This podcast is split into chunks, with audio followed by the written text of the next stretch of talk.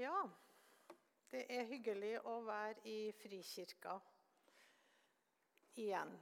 Veldig takknemlig for at jeg får lov til å komme hit.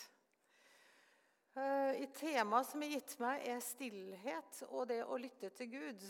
Og det første som eh, jeg tenker på, er at det fort kan skape litt sånn skyldfølelse. Eh, og litt dårlig samvittighet. Og hvis vi først begynner å kjenne på det, så kan det være at vi på en måte går litt i, i forsvar på, på, det som jeg tror kanskje Gud ønsker å nå oss med. For jeg tror at uh, det her området med å være i stillhet og være innenfor Guds ansikt, det tror jeg er mye viktigere enn vi kanskje skjønner helt. Så kan ikke vi be litt om det. at vi får lov til å, for, Gud kommer alltid med nåde inn i våre liv. Han kommer aldri med fordømmelse. Han kan utfordre oss, ja, men han kommer med nåde. Så kan ikke vi bare be litt sammen, og så ber vi om at Gud får lov til å møte oss. Takk, Herre, at du kommer med nåde inn foran hver enkelt av oss, Herre. Så står du foran oss og møter oss med din godhet og med din nåde. Og så ber jeg, Herre, om at eh, vi får lov til å åpne opp våre hjerter for det du har for oss i dag. I Jesu navn. Amen. Når vi skal snakke om stillhet og det å lytte til Gud, så kan det være greit å prøve å beskrive det litt, hva det ser ut som. For noen kjenner jo på at de har veldig mye stillhet, og egentlig ikke har noe behov for å ha det noe stillere. Andre har kanskje veldig travle liv, og det eneste de lengter etter, om vi kan få litt ro og stillhet. Mens noen kan ikke tenke seg stillhet og vil ikke klare å tenke på å ha det stille rundt seg. Og det ser ikke likt ut, og det er helt OK. Og en ytre stillhet det er jo ikke noe garanti for at det leder til en indre stillhet. Og man kan, ha, man kan ha det veldig stilt uten å være stille. Og man kan være ja, man kan, være, man kan ha det stille, og man kan være stille uten å ha det stille. Hvor fins denne her stillheten hen, da? Den tror jeg fins på veldig mange plasser. Det kan være et stille rom hjemme. Det kan være ute i Guds frie natur. Det kan være i et kirkerom, sånn som nå. Det kan være på et retreatsted, men det kan òg være på en kafé. Det er ingen begrensninger på de mulighetene vi har for å finne stillheten hos Gud. Omgivelsene er nødvendigvis ikke det viktigste, selv om jeg tror at tilrettelagt stillhet, sånn som et retreatsted som Lia gård er, gjør det lettere å komme inn i det her. Og Når vi snakker om stillhet og det å lytte til Gud, så snakker vi om bønn. Bønn er åndedrettet. Bønn er veien til relasjon med Jesus.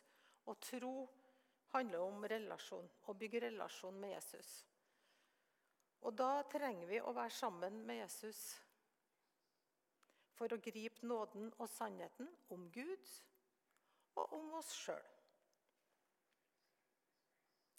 Og bønn, hva er det? Jo, det er småprat med Gud. Vi sukker og vi ber. Det er konkrete bønneemner vi ber fast for. Det er rop til Gud når vi er i nød. Det er klagebønn når det er ting vi ikke forstår. Og det er takkebønn. Men det er også mer. I Bibelen så finner vi flere tekster på at Gud ønsker å tale til oss. Og det gjør han på forskjellige måter. Og det aller viktigste det er selvfølgelig Guds ord. Men også gjennom denne gudstjenesten, gjennom musikk, gjennom lovsang, gjennom profetisk tiltale. Det kan vi jo oppleve. Gjennom en intuisjon, gjennom en følelse. I gamle dager så snakka man om minnelse. Jeg fikk en minnelse. Og det kan være en følelse eller en profetisk tiltale som Gud gir oss, som han ønsker å vise oss. Men for at Gud skal få lov til å vise oss det, så forutsetter det at, det også, at vi lytter. Og det tror jeg vi har litt trøbbel med i dag. Og En av de mest kjente beretningene er fra 1. Samuels bok, 3, 9-10, eller fra 8 til 10. For Samuel ble vekka av en stemme han trodde var Eli, Eli tre ganger. og Så gikk han inn til Eli for å spørre hva han vil. Den tredje gangen forsto Eli at det var Herren som ropte på gutten, og han sa til Samuel, 'Gå og legg deg', og rop. Roper han på deg igjen, skal du svare, 'Tal, Herre, din tjener hører'. Så gikk Samuel og la seg på plassen sin. Da kom Herren og stilte seg foran ham og ropte som før, 'Samuel, Samuel'. Og Samuel svarte, 'Tal, din tjener hører'. Vi trenger å komme i posisjon til at Gud får lov til å tale til oss. Fordi han har noe å si til oss. Å søke stillheten det handler ikke om et slags sånn serum for at det har som mål at det er et slags sånn serum for gode følelser eller et slags sånn spa, spa for åndelig liv. Det har som mål å søke Guds ansikt. Det kan av og til være veldig behagelig og møtt med Guds nåde når jeg føler at jeg ikke fortjener det, det kan kjennes veldig godt og befriende ut. Men det kan av og til være kjedelig. Av og til ubehagelig, fordi at i et møte med Jesus så får vi Guds lys på oss. Og så møter vi ting i oss sjøl som som eh, vi trenger å bekjenne, oss, bekjenne, synd for, eller som vi trenger å vende oss bort ifra, eller ting som er vanskelig i livet vårt. Så det òg har stillheten en sånn formål, tenker jeg. Og så har det som mål å utruste oss til å bringe Guds rike ut til denne verden.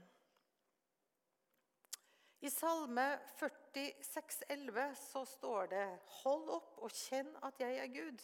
I den tidligere oversettelsen så sto det 'vær stille'. Men jeg syns denne fungerer også ganske godt. 'Hallo', er det akkurat som Gud sier. Hold opp! Stans! Kjenn etter. For å kjenne etter så må vi stanse. Det er jeg som er Gud, sier Gud.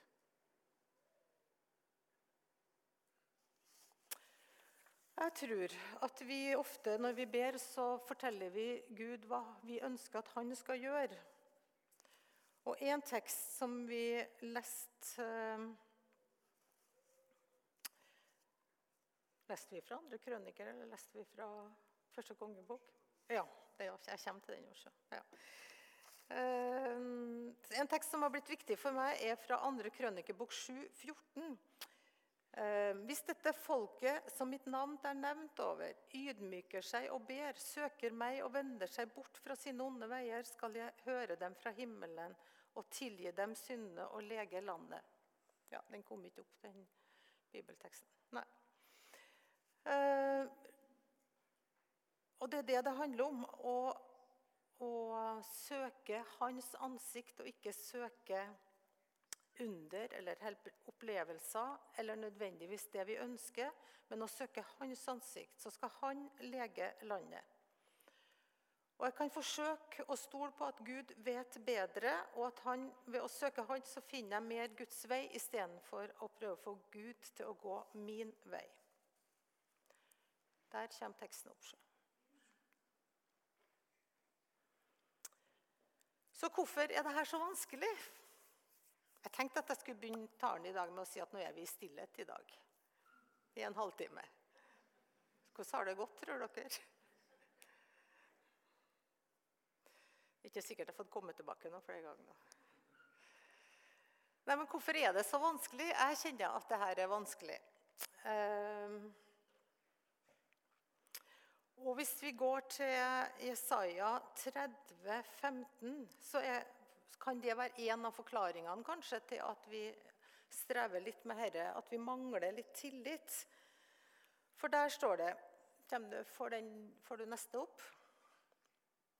For så sier Herren Gud, Israels hellige, hvis dere vender om og holder dere i ro, skal dere bli frelst. I stillhet og tillit skal dere styrke være, men dere ville ikke. Dere sa nei, vi rømmer til hest. Jammen skal dere rømme. Vi rir på raske hester. De som forfølger, er raskere. Dette utfordrer meg. I stillhet og tillit skal deres styrke være, ikke egen kraft. Israelsfolket var omringa av fiender på alle kanter, og Herren tar til dem, og de skulle være stille og stole på Han. Å holde hester på den tida var en viktig del for å opprettholde militær beredskap i verden for fiendtlige situasjoner, for det var hele tida trussel. De var omringa av fiender. Israelsfolket satsa alt på sine egne hester, og når fienden kom, så skulle de rømme til hest. De stolte mer på egne krefter, sin egen styrke, og det må jeg si gir relevans for mitt eget liv. Smak på ordet tillit. Hva betyr det? Stoler jeg egentlig på Gud? Ting går ikke alltid som jeg ønsker og ber om. Det er noen nederlag i løpet av livet. Og skuffelser. Og det kan fort føre oss ut av relasjonen med Jesus. Og at vi ikke tør stole på han. For hva vil det si? Jesus har aldri gitt oss noen garanti for å leve uten prøvelser og motbakker.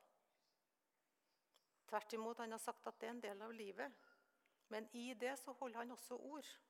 At han er nærværende i vanskelige tider. Så får vi også komme til Jesus med våre skuffelser og si det som det er. Vi unngår stillheten fordi vi møter oss sjøl i den. Plutselig er vi sårbare. Våre sår og smerter kommer til overflata, og så blir vi redd for våre egne følelser. Når vi opplever angst og usikkerhet, så skylder vi kanskje på stillheten. Vi må bort, vi må ut. Vi kan ikke være i stillheten, for det skaper såpass mye uro inni meg.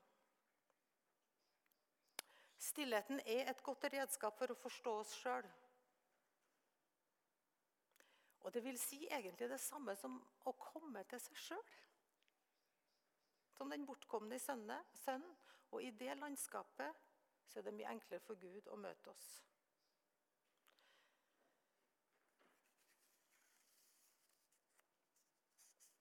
Og i det landskapet, tenker jeg, når jeg skjønner at Gud er den som har kontroll, og at jeg kan få slippe taket i mine egne styrker så slapper jeg mer av, og jeg tror det er den sanne hvile. Vi har ikke tid til å lese Salme 23 i dag, men les den når du kommer hjem. Tillit til det ene. Det andre jeg tenker på, er aktivitet. Og det er jo kanskje en flukt av og til for oss som kristne. At vi rømmer inn i aktivitet. Og da kommer vi til en av de tekstene vi leste i dag. Maria og Martha. Vi skal lese den igjen. Da de dro videre, kom han til en landsby der en kvinne som het Martha, tok imot ham i huset sitt. Hun hadde en søster som het Maria, og Maria satte seg ned ved Herrens føtter og lyttet til hans ord. Men Martha var travelt opptatt med alt som skulle stelles i stand. Hun kom bort til dem og sa, 'Herre, bryr deg ikke om at min søster lar meg gjøre alt dette arbeidet alene?' Si til henne at hun skal hjelpe meg. Men Herren svarte henne, 'Martha, Martha, du gjør deg strev og uro med mange ting.' Men ett er nødvendig. Maria har valgt en gode del, og den skal ikke tas fra henne. Martha kritiserer Maria, men hun kritiserer Jesus òg. Det er ganske frimodig. Martha har glemt at det er hun som har invitert til fest. Og så blir hun irritert på Martha, nei, Maria for at ikke hun hjelper til, men at hun setter seg ned og lytter til Jesus sin undervisning. Jesus ser Martha sin bekymring og gir en veivisning om hva som har vært godt for hun. Ett er nødvendig. Det andre er viktig, men å velge den gode del er det viktigste. Men vil vi egentlig det? Jeg tenker kanskje i dag at kirka er ganske sovende.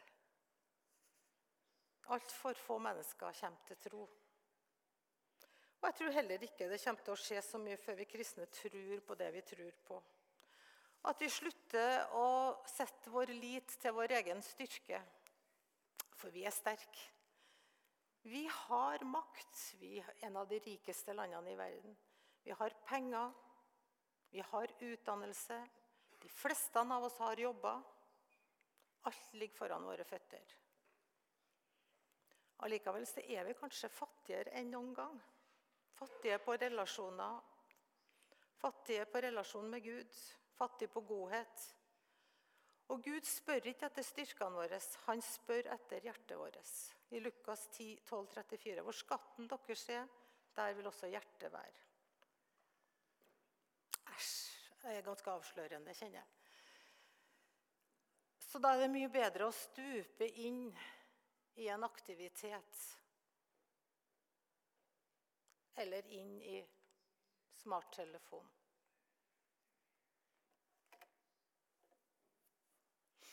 Hvorfor trenger vi egentlig stillhet, da? Og For å si det ganske tydelig Gud er ikke avhengig av stillhet. Det er vi som trenger det.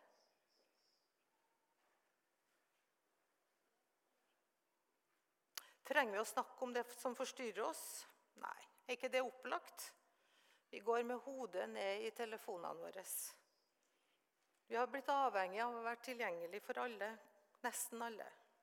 Vårt sanseapparat er så påskrudd, kanskje alt annet enn Gud. Ifølge Magnus Malm så er det en iboende motstand mot, uh, i mennesker mot alt som er viktig. Og det er i hvert fall motstand still, i meg mot stillhet. Men det jeg opplever hver gang jeg går inn i stillhetens rom, så skjer det et eller annet. Jeg kjenner hva som bør røre seg i mitt indre og i mitt indre landskap. Og jeg får alltid et møte med Gud gjennom å være f.eks. i en bibeltekst. Når jeg leser en tekst når jeg er i det stille rommet, så ser jeg for meg at det er en del av teksten. Det gjør man ofte på retreat hvis dere har vært der. Og Når man da er en del av det miljøet, så blir det for meg i hvert fall alltid et sterkt møte med Gud.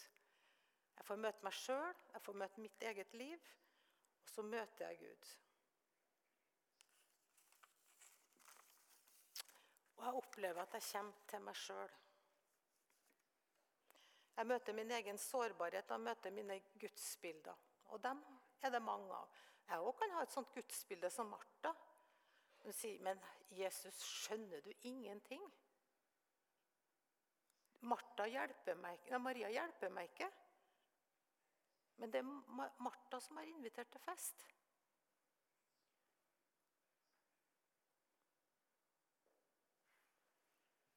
Eller som den gangen jeg hadde en meditasjon over eh, kvinnen ved brønnen. Og så så jeg plutselig hvordan Jesus, så forundra jeg var hvordan Jesus egentlig tenkte at han skulle få tatt opp vannet av brønnen uten å ha noe å ta opp vann med. Så stiller jeg spørsmålet til Jesus men hvordan i all verden Jesus, kan du ordne opp i det? Hvordan kan du få vann ut?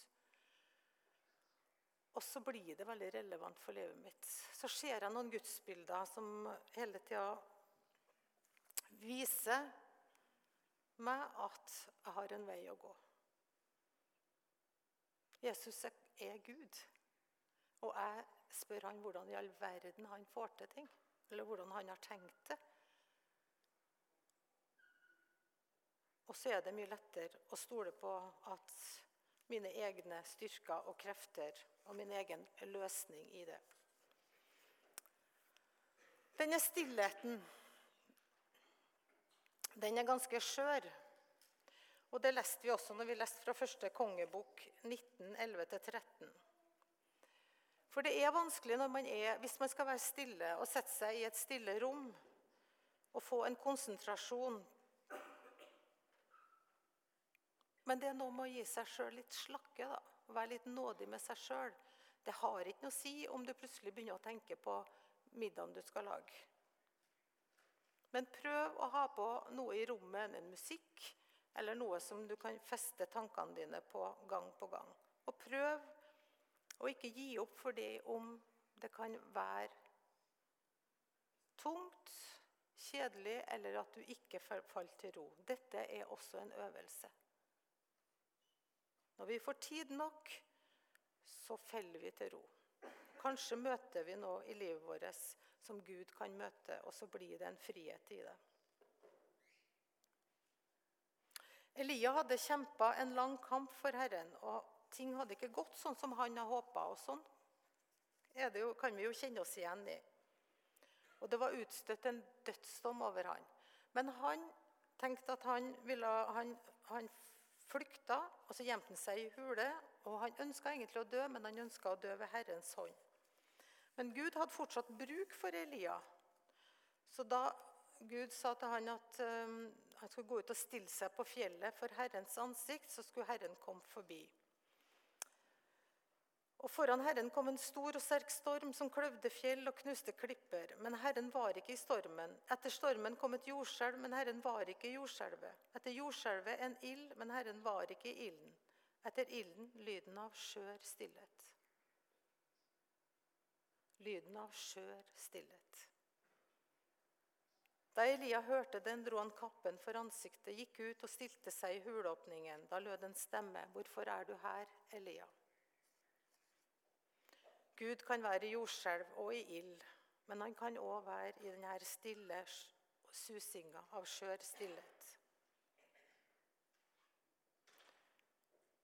Når vi ikke ser Gud, så kan det være at han opptrer på en måte som ikke vi venter. Elia hadde kalt på lyn. Elia hadde kalt på vekkelse. Men det Elia ikke så, var at Gud jobba i menneskene sine liv. Og at Gud ikke bare var en gud over det overnaturlige, men også det naturlige. Og kanskje er stillheten skjør. Det skal så lite til før vi ramler ut av den. Og det kan være en anstrengelse å komme inn i stillhetens rom. Men jeg tror i stillhetens rom så kan det faktisk forvandle liv. Det er i hvert fall jeg tror at stillhetens rom er det som gjør at, at jeg fortsatt tror, tror jeg. At jeg har fått en berøring av Gud. Jeg hørte noen misjonærer snakke om at de hadde hatt et bønnemøte i Nepal med veldig ivrige misjonærer i Nepal. Og de hadde altså stått på og bedt og bedt og bedt og bedt. Og vært høyrøsta og aktiv, Og så hadde de sagt men kan ikke vi bare legge oss ned nå, og så lytter vi til Gud. Så setter vi på litt musikk, og så lar vi Gud få lov til å komme med sin berøring. Og så hadde det forvandla. Gud kom med sin berøring. Det ble stille i rommet, og så kom Gud og berørte disse menneskene. Og så forvandla det liv. Så fikk de en erfaring av en Gud som de bare ikke trengte å mase på, men også som kom til oss. Og som kom til dem. Vi har behov for en møteplass med Gud. Hvor er din møteplass? Er det en stol? Er det et sted? Er det en plass i ditt hjerte? Vi trenger det for vårt eget liv og for å få mot til å være dem vi skal være i denne verden. For å ta Guds åk på seg. Og Jesus han trakk seg også unna for å hvile og for å be. Så hvorfor skal vi trenge det mindre? Til slutt i dag så tenkte jeg at um, jeg skulle lese et dikt pluss noen ord fra mamma Maggie. Diktet er av Hans Børli. Ett er nødvendig. Her i denne vår vanskelige verden av husville og heimløse og ta bolig i seg selv. Gå inn i mørket og pusse sotet av lampen, slik at mennesker på veien kan skimte lys i dine bebodde øyne. Hos den som våger stillheten, vil det snart være noen hjemme.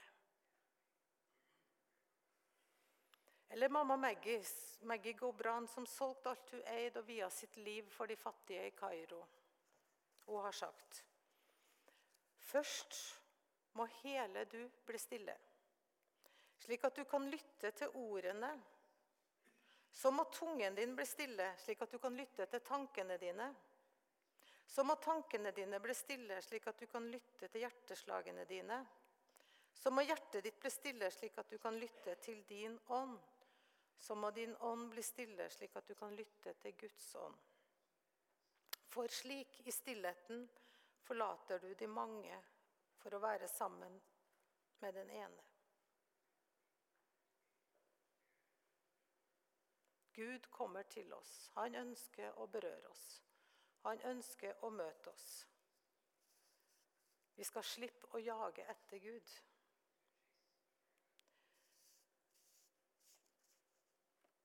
Så jeg har skrevet tre engelske ord på slutten her. Just do it. For vi har så mange utsettelser på, sånn, på det å søke Herrens nærvær. Vi har så mange forklaringer eller unnskyldninger. Så det jeg lurte på, det var om vi skulle bruke noen minutter nå. Jeg ser at jeg har litt tid igjen. Om vi skal bruke litt tid, så vil jeg be om at Den hellige ånd må få lov til å komme og berøre oss. Og at du lar dette synke litt inn av det vi har snakka om nå, og spør Gud hva, hva har du Hva vil du, Gud, i mitt liv? Før jeg gjør det, så har jeg har med den boka jeg pleide å ha med før. òg, 40 dager med bønn. Det går an å, å inn, ha sånn, en bok du kan følge med en bibeltekst som kan være til hjelp hvis du ønsker å komme inn i dette med å være litt stille for Gud. Den ligger bakpå der, og det står noe Vipps-nummer der. Så hvis dere har lyst til å ha et redskap som gjør det lettere. Men da bruker vi noen minutter i stillhet. Er det ok? Bare lukk øynene hvis du kjenner at det er kom komfortabelt.